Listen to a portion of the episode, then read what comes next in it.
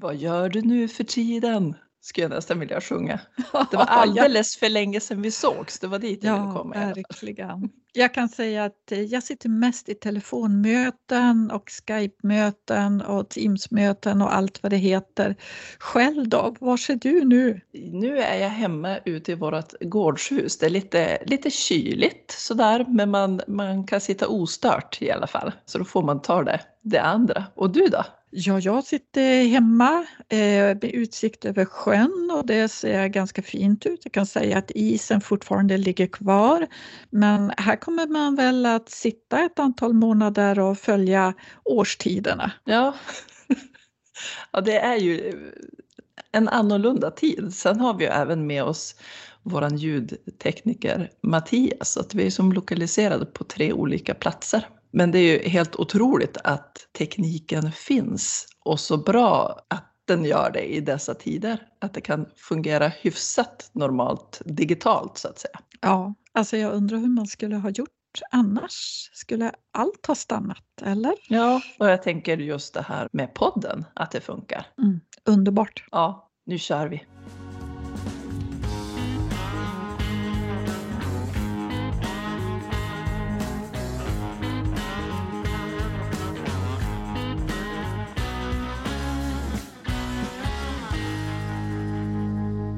Och varmt välkomna till podden En bana, tre spår. Mitt namn är Eva Lundqvist och jag är kommunikatör för Norrbottenbanegruppen. Och via länk idag så sitter Elisabeth Sinclair, projektledare för Norrbotniabanegruppen.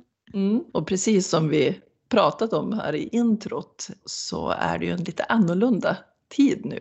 Och särskilt, jag tänkte på våra fulltecknade kalendrar med möten, över hela våren, fysiska möten då, som mm.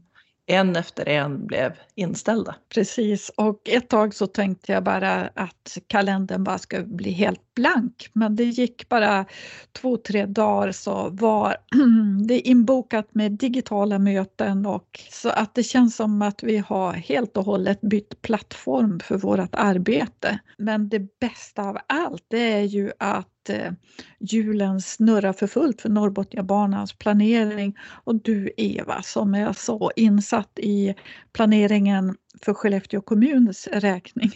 Hur går det? Det tuffar på som vi brukar säga.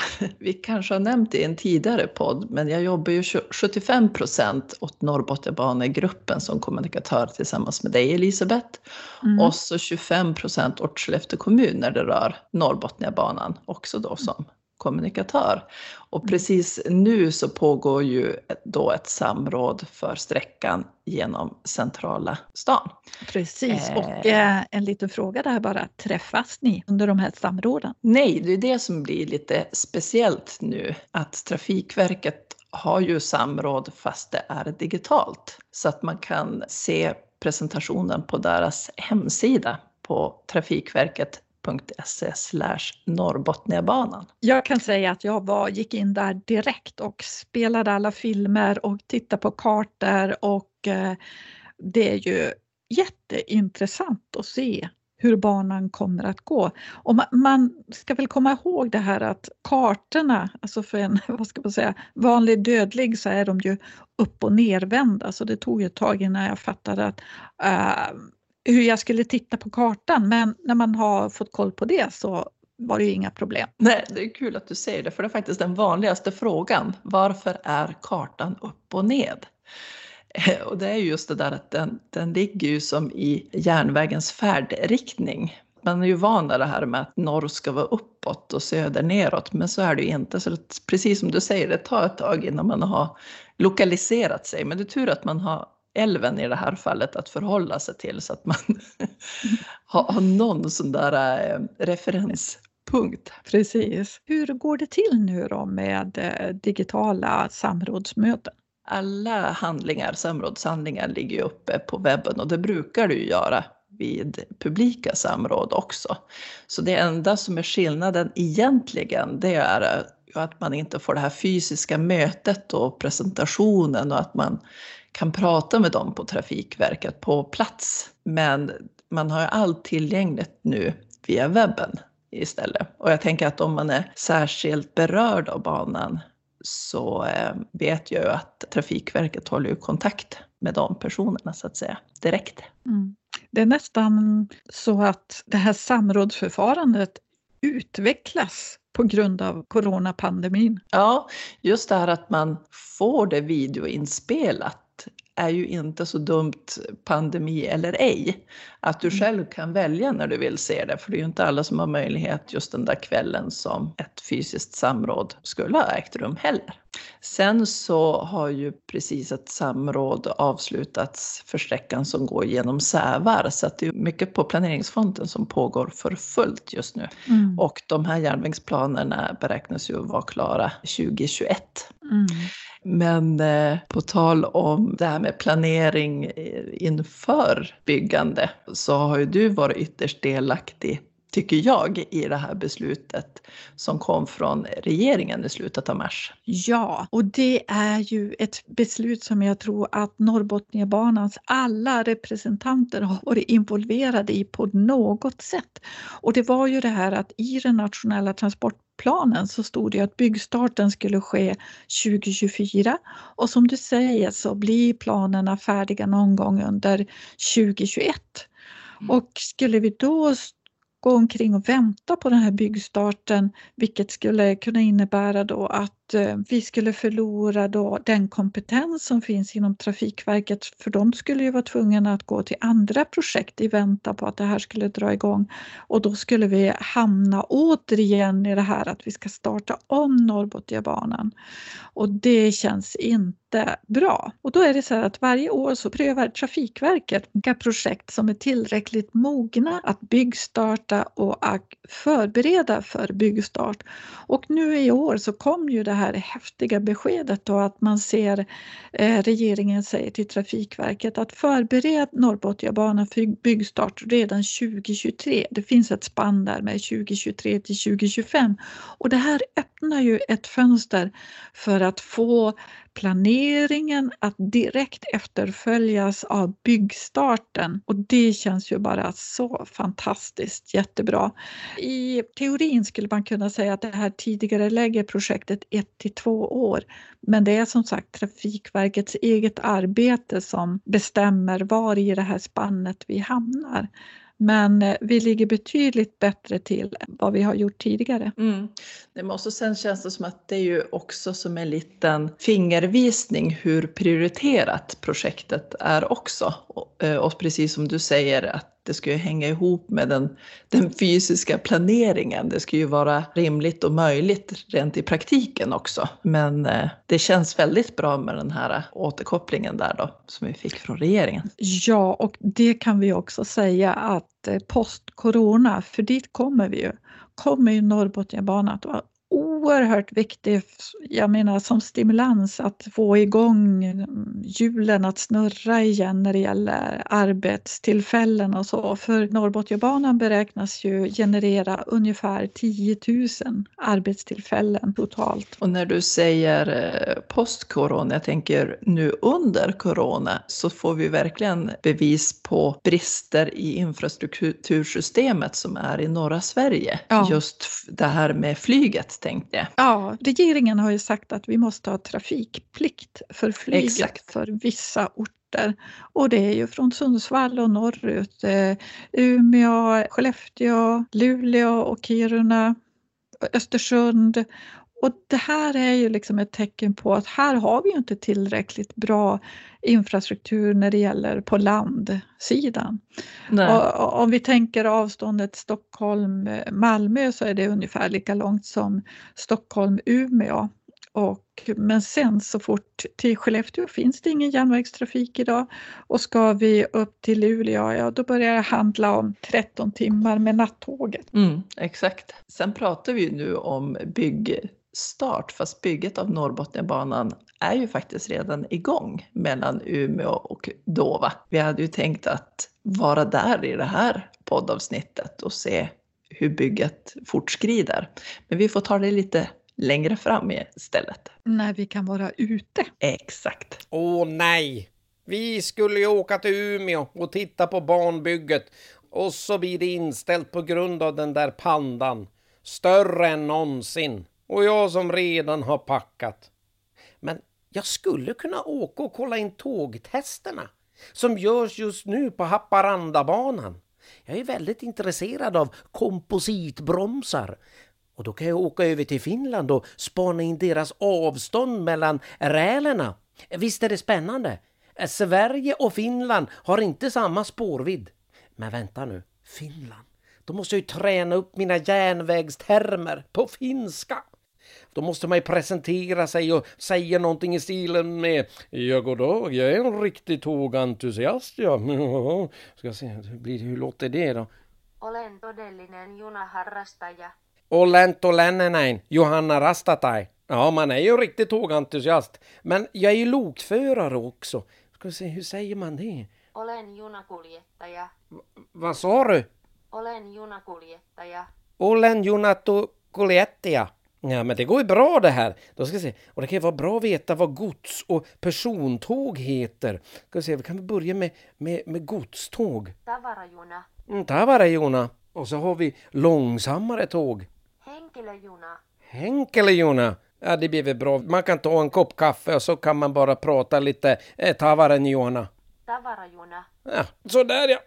Packat och klart. Nu sticker jag. Vem är det som ringer nu då? Hallå, det är den allvetande lokföraren? Nej. Va? Får inte Trafikverket träffa externa besökare? Är gränsen till Finland stängd? Jag blir galen! Oh, nej. Tillbaks till lokförarhytten. Nej, tillbaka till lokförarhytten. Jo, jo, det vet jag väl. Men vad heter det på finska? No takaisin kuljettajan ohjaamoon. Ja, du, det där var lite mera finska än vad man kan själv. Det här med Pate är ju typ det man behärskar. Ja, men jag tycker han hade hittat på en bra lösning där med översättningstjänsten. Ja, men återigen, det här eh, digitala är inte så dumt.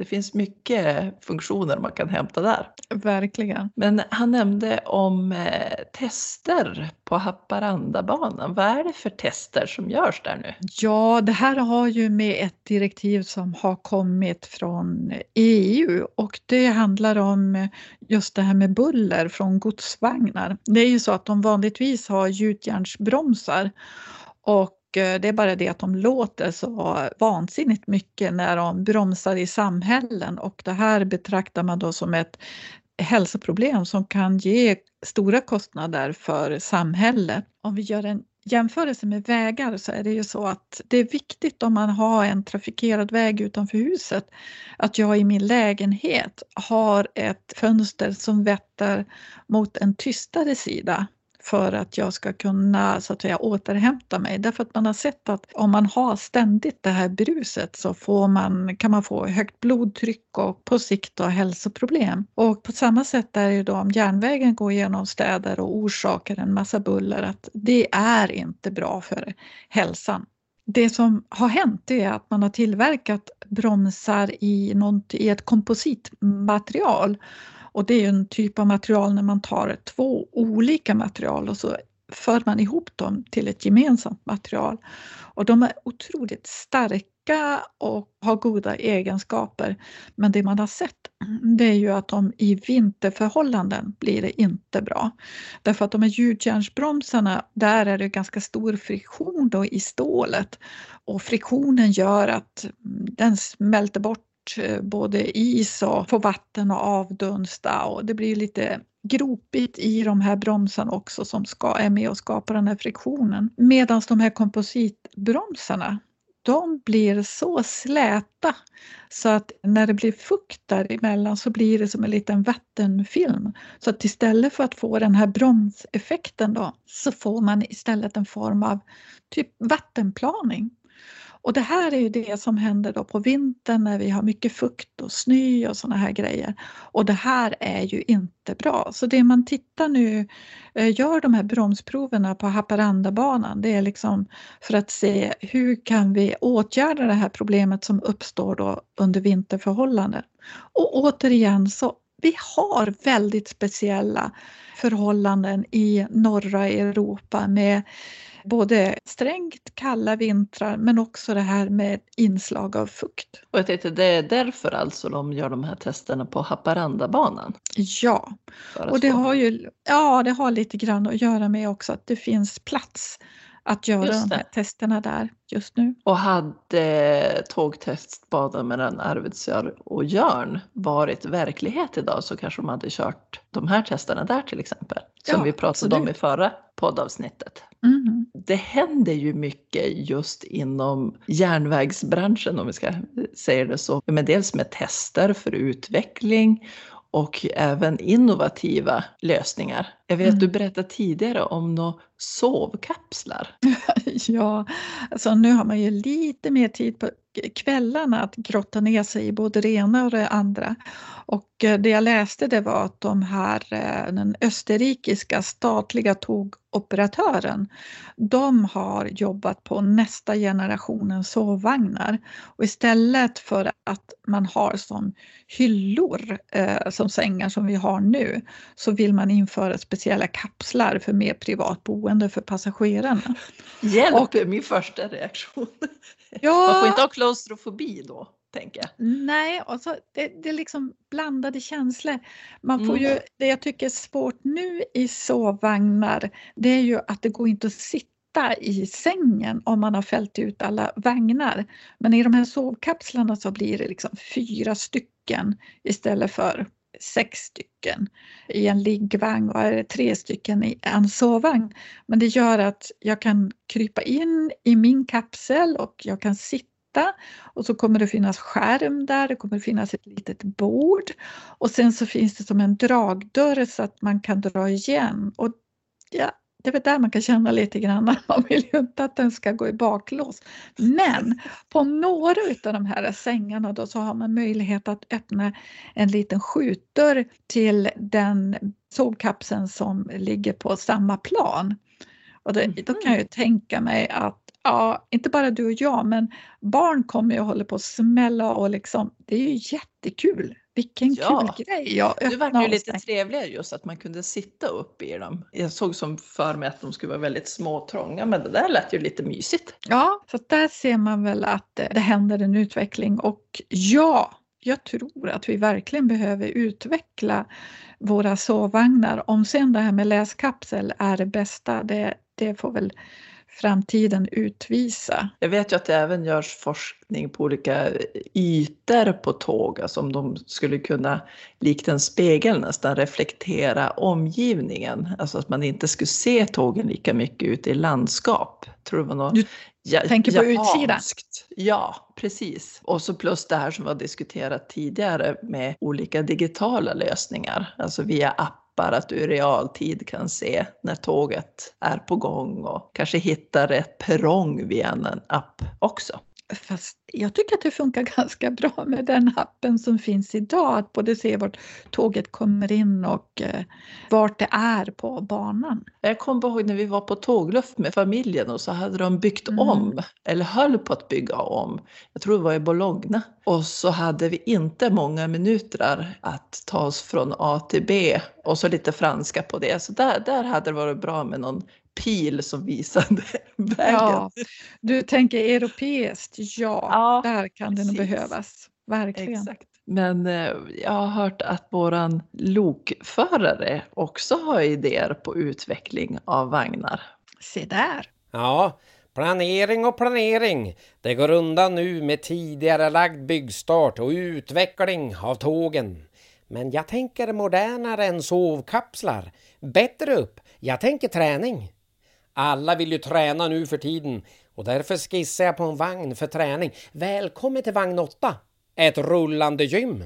Motionscyklar, roddmaskiner och löpan som vi kopplar till kontaktledningen så att motionärernas energi går rakt in i motorn och driver på tåget i en jäkla hastighet.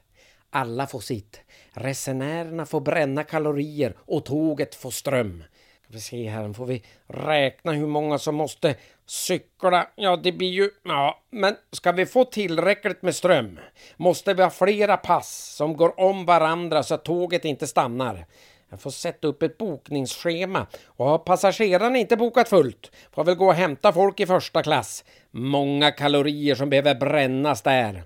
Jajamän, svenska folkhälsan når nya succénivåer när högtalarna spelar Locomotion och gubbarna i första klass springer räkmackorna av sig. Kan ni se det framför er, Elisabeth och Eva?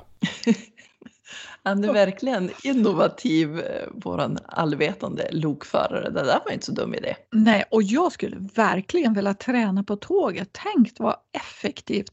Och kan man dessutom då tillföra lite energi till driften av tåget, ja men varför inte? Jag tror när Elisabeth Sinclair är i eh, träningsvagnen, då går det undan på tåget. och vad skulle vi inte kunna göra tillsammans? Men jag ska säga att det är ju det som jag upplever ibland så fruktansvärt hopplöst när jag kör bil. Då sitter mm. ju händerna ju låst på ratten, då kan man ju inte ens jobba. Utan det är ju bara som bortkastad tid. Ja, verkligen. Och jag tänkte, vi nämnde ju tidigare där hur viktig Norrbotniabanan kommer att vara post-corona när denna pandemi nu har dragit vidare och allt ska börja rulla igen. Ja, och vi tycker ju precis som vår finansminister att ja, men det kommer att vara ett jätteviktigt projekt för att stimulera mm. ekonomin efter coronakrisen. Och även om våra nationalekonomer kanske inte håller med oss så, så säger de i alla fall att det här är ju psykologiskt ett riktigt glädjebesked. Det här kommer att ha betydelse och jag tänker också att beslutet kom mitt under så att säga början av den här pandemin så finns det ju ett, verkligen ett framtidstro och för ja. mig var ju just det här beskedet det första gången som jag kunde liksom öppna fönstret och se post corona efter ja. corona.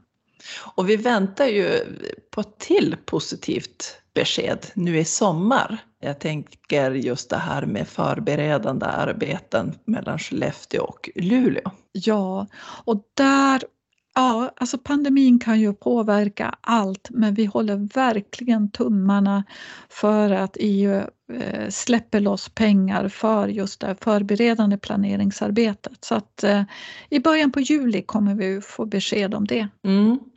Och vi har ju tidigare avsnitt mycket pratat om kompetensförsörjningen och hur mycket arbetskraft vi behöver i norra Sverige, inte bara för Norrbotniabanan utan all utveckling som sker här. Och så hör man då samtidigt att Sverige kommer kanske ha en arbetslöshet på ja, men 10 procent eller mer. Och där kommer ju sådana stora projekt som Norrbotniabanan att ha en, en betydande betydelse. Det har varit mycket betydande där men mm. kommer vara viktig. Ja, och det, man kan ju dra paralleller till Botniabanan där en stor, ett stort antal personer skolades om från att ha jobbat med byggen av vägar till att jobba med byggen av järnvägar, för det är ju en viss skillnad däremellan. Men vi ska inte sticka under stolen med att det här kommer att generera en massa eh, omkringjobb eh, för att stötta projektet. Det kommer att vara verkstäder, det kommer att handla om mat och det kommer att handla om ja, övernattningar och en massa olika saker. Och så lägg då därtill allt som påverkas utav eh, batterifabriken så ser vi att det kommer att eh, poppa upp en hel del nya jobb. Medan jag hoppas att många utav de här arbetena som just nu står stilla kommer i, igång och snurrar igen. Mm, exakt. Och på tal om komma igång och snurra så hade ju vi tänkt att vara vid det här avsnittet på bygget som pågår mellan Umeå och Dova. Att riktigt få, få känna på var bygget befinner sig just nu. Men vi får ju ta mm. det lite senare. Men jag vet ju att du brukar ju passera där ibland och ser de här skyltarna där det faktiskt står Norrbotniabanan på. Mm, och då kan jag säga att då tar hjärtat ett riktigt glädjeskutt. Att det bankar lite, lite fortare och eh, jag tänker på det här att träffa eh, Trafikverkets personal nu. Det är otroligt viktigt att de håller igång både planering och bygge och därför har väl Trafikverket restriktioner nu när det gäller externa besökare. Ja, men Så precis, de, det är ju som en väldigt samhällsviktig tjänst. Alltså det, det får ju som inte stanna av. Nej, så att eh, vi tänker väl att vi får träffas ute istället när vi kan vara ute i skogen där bygget pågår. Precis. Jag, jag tänker just när du nämnde det här med planeringen och så att, att vi ser ju på insidan så mycket av arbetet som pågår, men det är ju svårt att se när det inte syns fysiskt så att säga. Ja, Eh, den- Så därför tänkte vi just där, där på plats att ta med dig som lyssnar, att få ta del av vad som händer just nu. Ja, för att det syns ju redan nu spår i naturen i och med de stora avverkningarna. Och så småningom här så kommer ju det att öppnas upp väldigt stora områden. Och det är ju för att när man bygger järnväg så måste man vara extremt noggrann med underbyggnaden av järnvägen och då öppnar man ganska stora och djupa områden och sen så, så småningom så bygger man upp det där för att dränering och de bitarna ska fungera. Det får inte vara något vatten i järnvägar och sen så, så sakta så lägger man tillbaka jorden så att det liksom omsluter själva järnvägsspåret så småningom. Men det är väldigt stora förändringar just under själva byggtiden. Och det som man tycker ser ut på ett visst sätt ena veckan, det kommer man inte att känna igen nästa vecka. Så att allt det här, det som är förberedande, gör man bara arbetet innan beslut fattas, planeringsarbetet, det är egentligen den långa tiden. När bygget sen kommer igång så händer det saker kloss i kloss och man ser hur, hur arbetet fortskrider. Och det är liksom Mm. lättare att förstå bygget av en järnväg då. Ja, och har du som lyssnar några funderingar kring bygget så får du jättegärna skicka med dem till info.norrbotniabanan.se så kan vi ställa de frågorna till Trafikverket när vi träffar dem. Men vi kanske rundar av det här avsnittet nu och eh, Ja. så vill jag avslutningsvis säga att ta hand om er där ute och varandra tills vi hörs igen. Ha det bra. Hej då! Hej då!